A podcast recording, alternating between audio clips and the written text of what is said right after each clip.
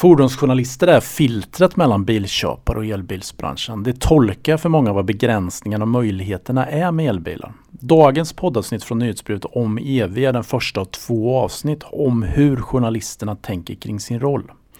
Vi, det vill säga mina kollegor Martin Borgqvist och Helena Berg från redaktionen på Om EV ska träffa fem journalister som arbetar med att bevaka fordon på något sätt. Det som vi ska prata med är journalisterna Karin Olander, Jonas Fröberg, Fredrik Sandberg, Lasse Svärd och Erik Söderholm. Mitt eget namn är Magnus Karlström och jag är redaktionschef för Om EV.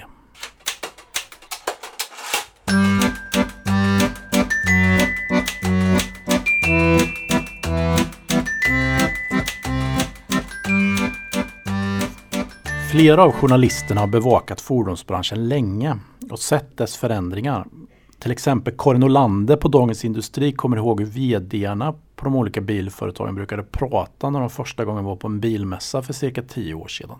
Jag minns väldigt tydligt eh, eh bilmässan i Frankfurt 2007 när i stort sett alla VDar från de stora biltillverkarna satte sig på rad och så sa de att eh, det här som politikerna hade börjat prata om, att eh, eh, skärpa lagstiftningen vad gällde koldioxidutsläpp, det skulle ju leda till arbetslöshet och neddragningar och katas ja, katastrof för hela branschen.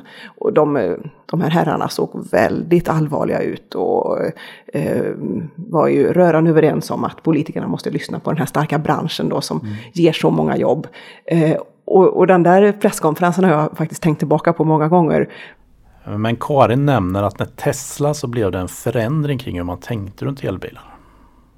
Eh, ja, enormt. Eh, och där är ju Tesla, precis som eh, alla upplever, det är ju den stora game changern. Alltså de, de förändrade ju hela bilden av en elbil. Att det gick att göra en, en snygg bil eh, med fantastisk eh, prestanda eh, och som bara går på el. Man laddar den eh, och sen så kan man eh, dra iväg och det, den liksom utstrålar ju allt det man vill från en, eh, en riktigt eh, snygg och häftig bil. Det är full fart på DNs Julia-redaktion när vi träffar Lasse Svärd från Dagens Nyheter. Lasse har varit motjournalist sedan 1980-talet och anser att elektrifiering är självklart och branschen ansett det länge. Alltså när det personligen så eh, bryter man ner det och tittar på själva drivningen, alltså elektrifieringen, så den tycker jag är självklar och det tyckte ju egentligen branschen redan eh, kring förra sekelskiftet. Eh, elbilar var ju den vanligaste synen i New York där i början på 1900. Mm. Eh, tyst och avgasfritt va? och bilarna gick väl en 5-6 mil på den tiden. Men sen kom den eh, svarta oljan och slog ut alla alternativen. Och redan före elbilen så var ju Henry Ford inne på att driva bilarna med etanol. Eh, det var skott om lantbruksgrödor va? så etanol är ett bra spår. Men sen slog ju oljan ut alla alternativen.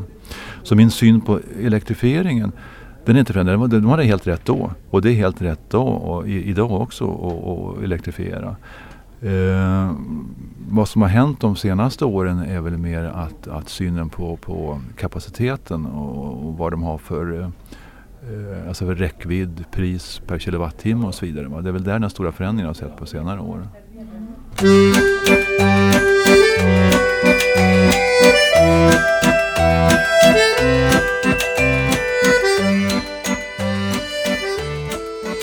Elektrifieringen har ju slagit igenom först de senaste, vad ska man säga, 6-7 åren.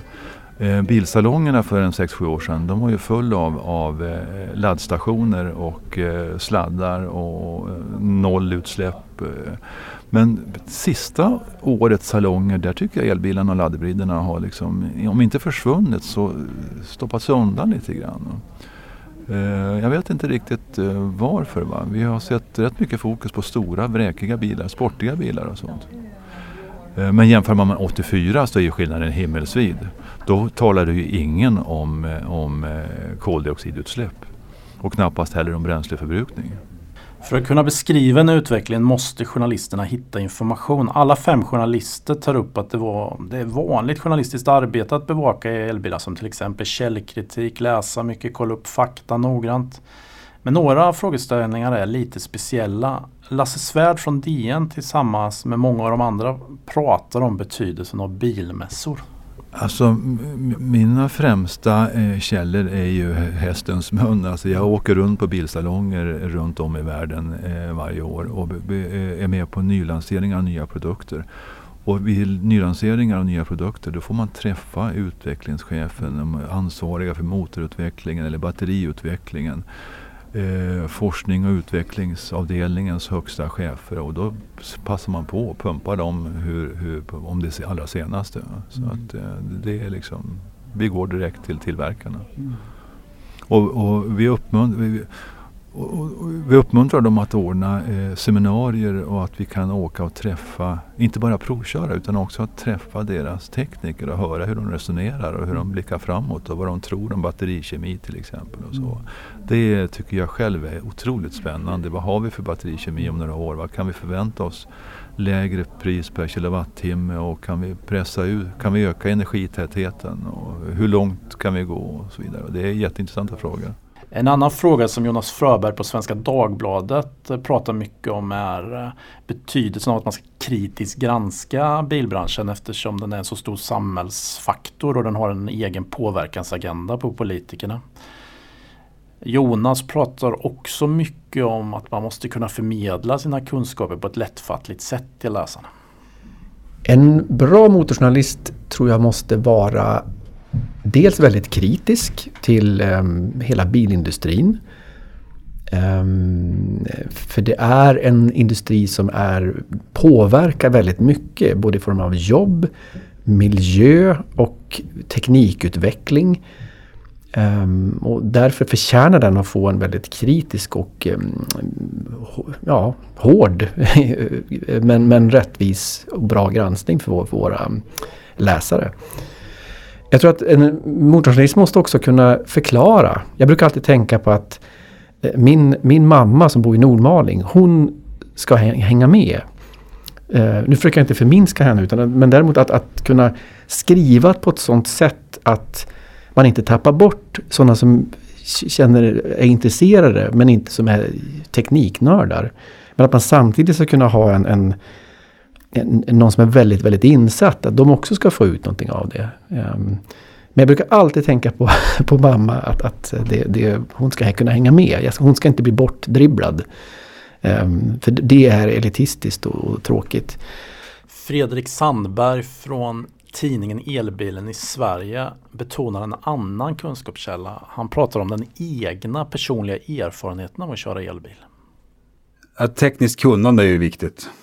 Att man har, men också att man eh, är ute på fältet och gör saker, testar grejer. Det vill säga att man kör bilarna på långturer och att man, man provar dem ordentligt. Och att man, men också att man reser och träffar folk och intervjuar människor som är nyckelaktörer i branschen.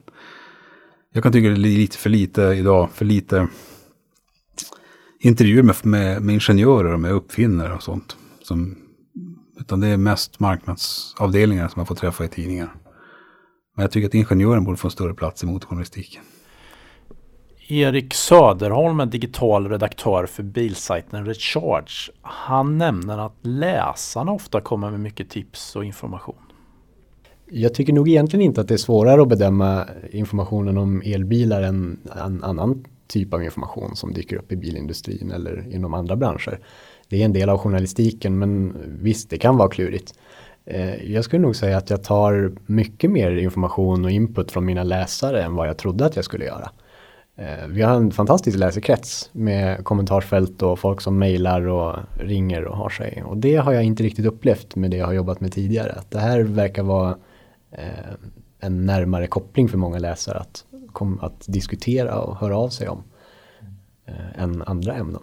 Så i, i större utsträckning än vad jag trodde så är det nog faktiskt läsarna. Erik pratar också om att det är extra ansvarsfullt att försöka skriva om elbilar.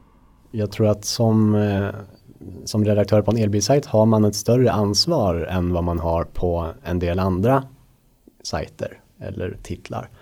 Att eh, det gäller att informationen blir rätt. Det gäller att företräda eh, så många sidor som möjligt. Men det gäller också att försöka så ett litet frö hos läsaren. Det kanske inte handlar om egentligen att gå ut och köpa en elbil imorgon från att ha varit bensinberoende hela sitt liv. Men om man kan så ett litet frö och, eh, som sen gror eh, så kanske man kan fundera på en laddhybrid nästa gång man byter bil och sen en elbil eller något sånt där. Så det är ju en större omställning egentligen som, eh, som håller på att äga rum. Och där känns det väldigt ansvarsfullt att, eh, att kunna vara en del av det. Vi startade ju Recharge för att visa att det här är ett viktigt ämne och det tycker vi fortfarande. Och därför vet vi också att vi har ett väldigt stort ansvar från våra läsare att det ska bli rätt. Som ni hörde nyligen har Erik och de andra journalisterna mycket kontakter med läsarna. Vi från Om EV undrar vilken fråga som oftast kommer upp i samtalet eller diskussionerna med läsarna om, om elbilar. Erik nämner det många av hans läsare anser vara den viktigaste frågan. Ja, räckvidden har fortfarande absolut nummer ett bland våra läsare. Att eh, räckvidden är viktigare tycker de än priset till och med på elbilen. Att det är viktigt att kunna åka långt och där har vi eh, haft en lite annan inställning tycker jag. att Jag har skrivit lite artiklar om att räckvidden kanske inte alltid är så viktig. Att man kanske har stirrat sig blind lite på att eh, bilen ska kunna gå 100 mil på en tank eller något sånt där och allt annat är oacceptabelt idag. Men kanske är det så att man ställer lite fel frågor helt enkelt. Att har man verkligen behov av att kunna åka 100 mil på en tank? Jag tror inte det. Eh, så räckvidden är nog fortfarande nummer ett. Sen är det väldigt många som väntar på att den perfekta elbilen ska dyka upp i någon form. Eh, att den ska passa exakt mina behov då. Det kan vara då bland annat med räckvidden men också att jag måste kunna hyra ett släp eller jag vill åka husvagn, den ska ha dragkrok, det ska vara takbox och det ska vara plats för sju och så vidare. Och där har vi nog ett jobb att, eh, ja hela branschen och journalistiken också, att självklart ska man ha en bil som passar sina behov men kanske är det inte helt nödvändigt att åka runt med plats för sju när man åker själv till jobbet. Eh, utan att man tänker lite andra banor där.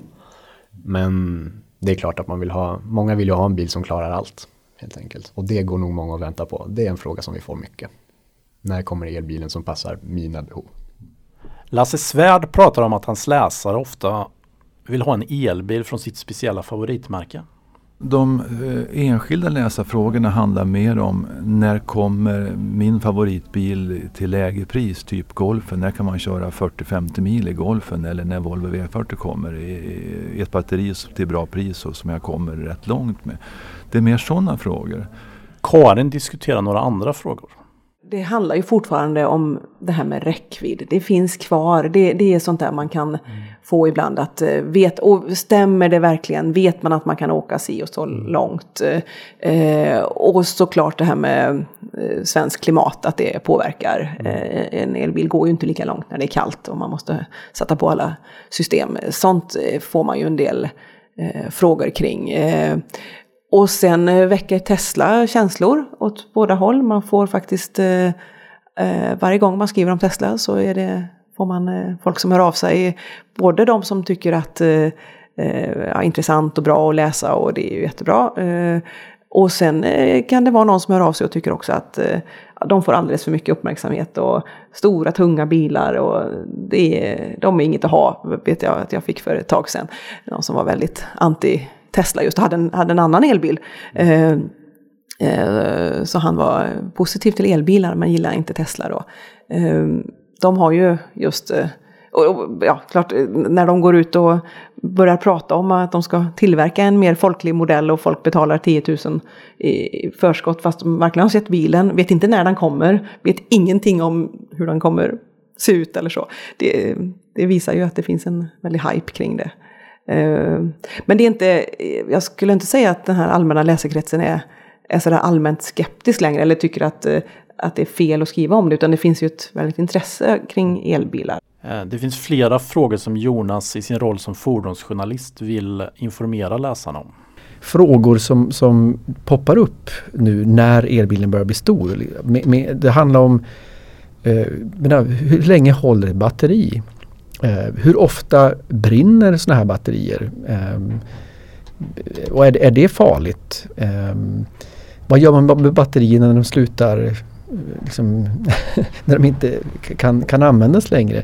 Det är massa sådana där grejer eh, också. Men, men att försöka för, ge en bild också väldigt konsumentig, väldigt nära eh, bilägarna. Vad kostar det att äga en elbil? Vad, hur, hur är det med försäkringarna? Um, alltså allt sånt där också som är alltså matnyttig kunskap.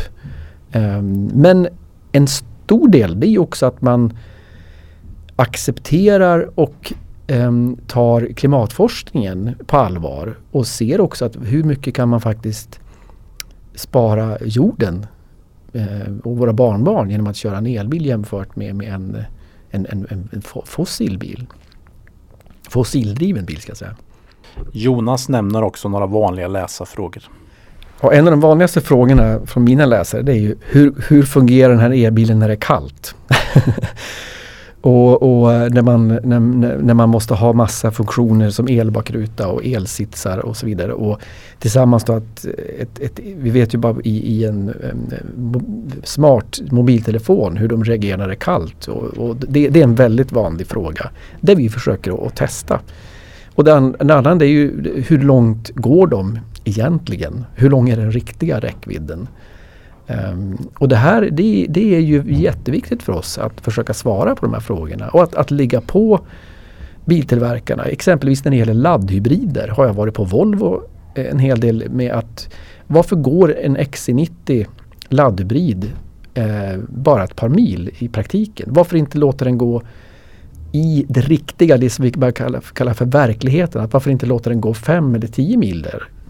Um, och, och att där ser jag också att när vi skriver där att, att det, det är ett sätt att, att um, klä av liksom, fina PR-budskap och faktiskt visa på verkligheten där.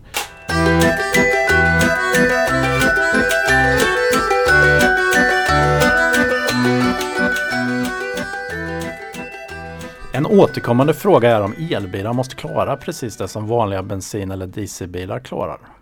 Fredrik har en fundering som bygger mycket på sina egna erfarenheter av att köra själv som har med den frågan att göra.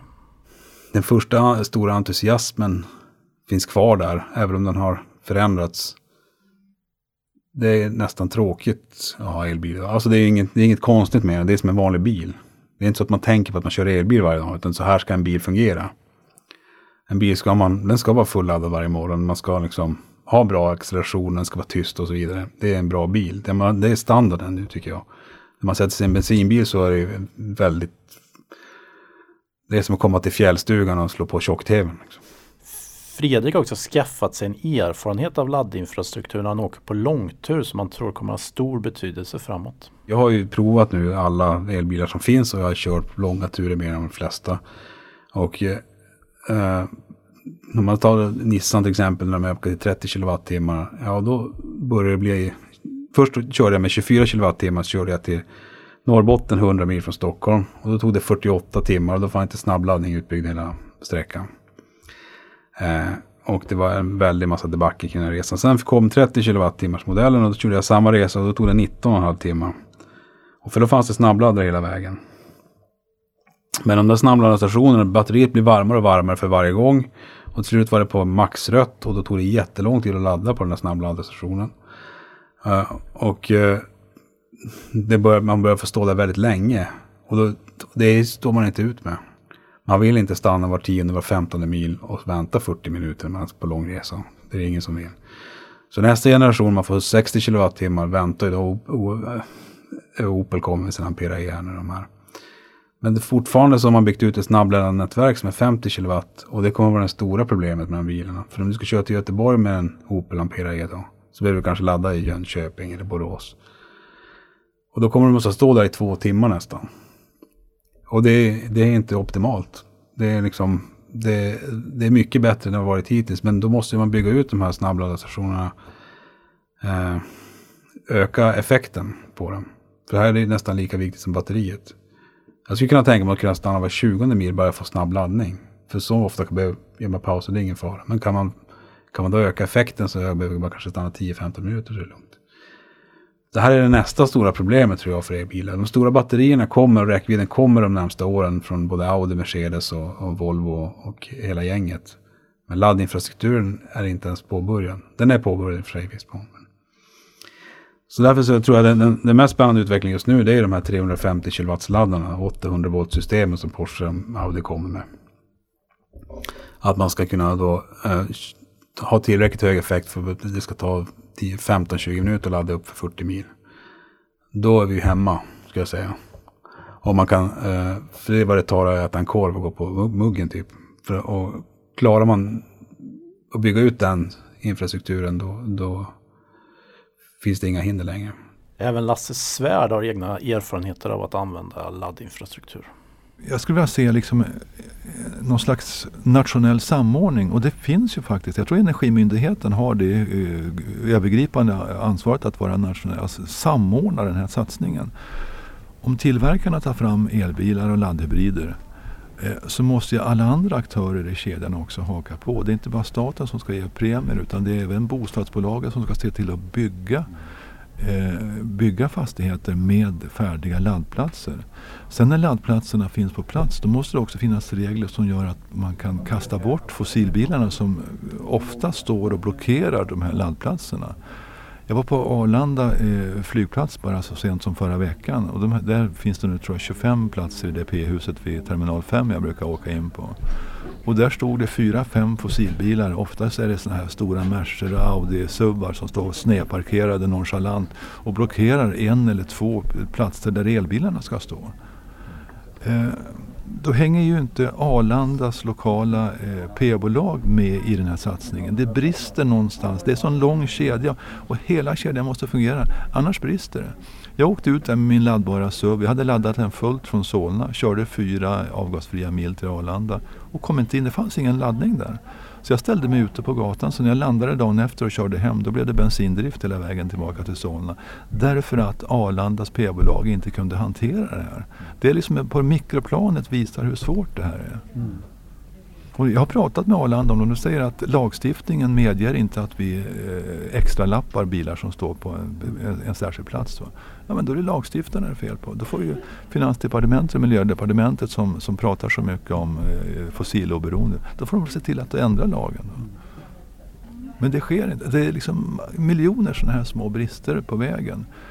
Och vi har ju, jag har ju själv kört en laddhybrid nu i fyra år. Eh, två olika versioner.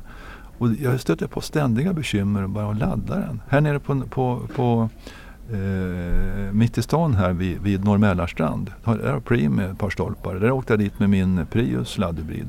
Men titta, här finns det en stolpe och en ledig plats. Backa in och ska stoppa in kontakten. Men då är stolpen så designad så att kontakten inte gick att trycka in. Det är ridå, kortslutning.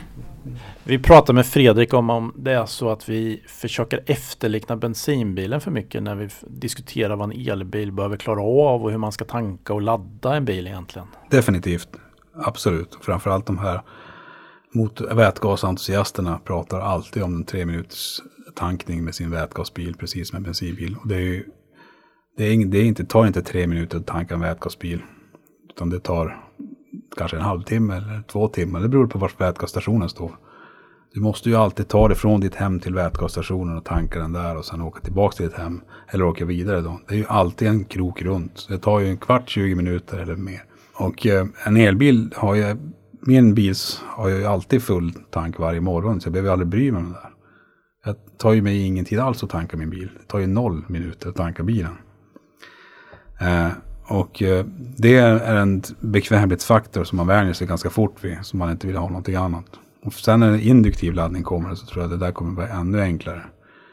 Och när bilen dessutom blir lite självkörande så kommer det bara att kliva ut ur bilen. Och så kommer den åka in själv och börja ladda sig vid den induktiva laddstationen. Det är ju betydligt mer bekvämt än att du ska sticka iväg till en vätgasmack och stå och vänta på att det ska bli din tur att fylla på och sen gå in och betala och ha det. Liksom. Lasse Svärd resonerar lite annorlunda angående vätgas. Framförallt så får man ju då eh, ner laddtiden. Alltså man tankar en vätgasbil på tre minuter och man får samma räckvidd som en fossilbil. Det gör det liksom mycket enklare för, för eh, den genomsnittsbilisten att ta till sig detta. Mm. Eh, man har fördunklat debatten genom att kalla det här för bränslecellsbilar och vätgasbilar, vilket det naturligtvis också är. Men jag tror det är mycket enklare att kalla det. Det är en elbil fast den går på vätgas och det här är en elbil som går på batteri. Det gör det hela mycket enklare för en eh, genomsnittsläsaren att förstå. Så det är liksom elbilen 2.0 eller? Kan man säga. Sen har ju då vätgasen också sina, eh, sina nackdelar. Eh, hur den ska framställas inte minst. Mm. Men det är klart att, att eh, spjälkar man vatten av förnybar el som vi har rätt gott om i Sverige och i Norge framförallt. Va, då kan man väl kanske räkna hem det här. Men jag ser mer el, eh, i första hand så tycker jag eh, eldrift med vätgas är intressant i yrkestrafiken, eh, kollektivtrafiken för att få upp den på, på, på fjärrtrafik till exempel, bussar mellan huvudstäderna. Eh, och även eh, lastbilsdistribution, lastbilstrafiken. Scania ju, ska ju ta fram en sån och det finns redan lastbilar, tunga lastbilar i trafik i Schweiz. Mm. Så att det där tycker jag är jätteintressant. Men det finns en plats för båda teknikerna. Batteribilen som vi känner idag är ju perfekt för lokal eh, kanske för företag och, och, och, och bilägare med mer lokala körmönster. Eh, och eh, vätgasbilar om man har behov av lite längre transporter. Mm. Erik är inne på att vi kanske måste anpassa oss lite till hur vi använder en elbil för att hantera en del av begränsningarna. Och det kanske, det, kanske till och med är rimligt. Eh, smartphones anser man oftast inte batteriet vara någon, eh, något problem. Därför att man är så helt fantastiskt nöjd med alla andra funktioner som smartphonen ger. Okej, okay, en smartphone kanske har batteritid på en eller två dagar jämfört med en eller två veckor i en gammal Nokia 3310. Men ingen vill ändå gå tillbaka till en Nokia 3310. Därför att man är så nöjd med fördelarna med en smartphone. Och det är precis på samma sätt med elbilarna. Det ligger mycket gammal vana i det där och eh, jag tror att räckvidden kommer förhoppningsvis att halka ner lite grann i prioritetsordning tror jag hos många köpare. Men det är först när den gör det som biltillverkarna kan minska sitt fokus på räckvidden. Det är klart det är härligt med en bra räckvidd men det stirras också väldigt mycket blint på det. Att eh, det känns som att man är väldigt duktig på att peka ut de få scenarier där en elbil kanske fortfarande inte trots allt är perfekt. Eh, hur ska det fungera för en resande säljare som åker 60 mil om dagen? Nej, idag kanske det inte he är helt optimalt. Men det betyder inte att det aldrig kommer vara det. Och om vi ställer om våra hjärnor lite grann, där har vi nog alla ett ansvar att kanske tänka om lite grann snarare än att bara automatiskt kräva att bilen ska gå 80 mil på en tank eller på en laddning. Jag tyckte själv för några år sedan att om min bil idag klarar 60 mil, då borde väl en elbil också egentligen klara 60 mil för att jag ska kunna byta till den. Men det är nog egentligen lite feltänk. Jag tror inte det är för mycket begärt att vi ska anpassa oss för att göra den här omställningen, för den kommer med många andra fördelar eh, på det stora hela. Så där är det absolut ett lite för stort fokus på räckvidd tycker jag. Det här är slutet på vårt första avsnitt om Om Evis intervjuer med fordonsjournalister. Tack för att ni har lyssnat på en podd från Om Evis som är finansierad av Energimyndigheten och Swedish Immobility Center är värd för Om Evi. Bandet Vintergatan står för musiken och Göran Fagerlund är producent.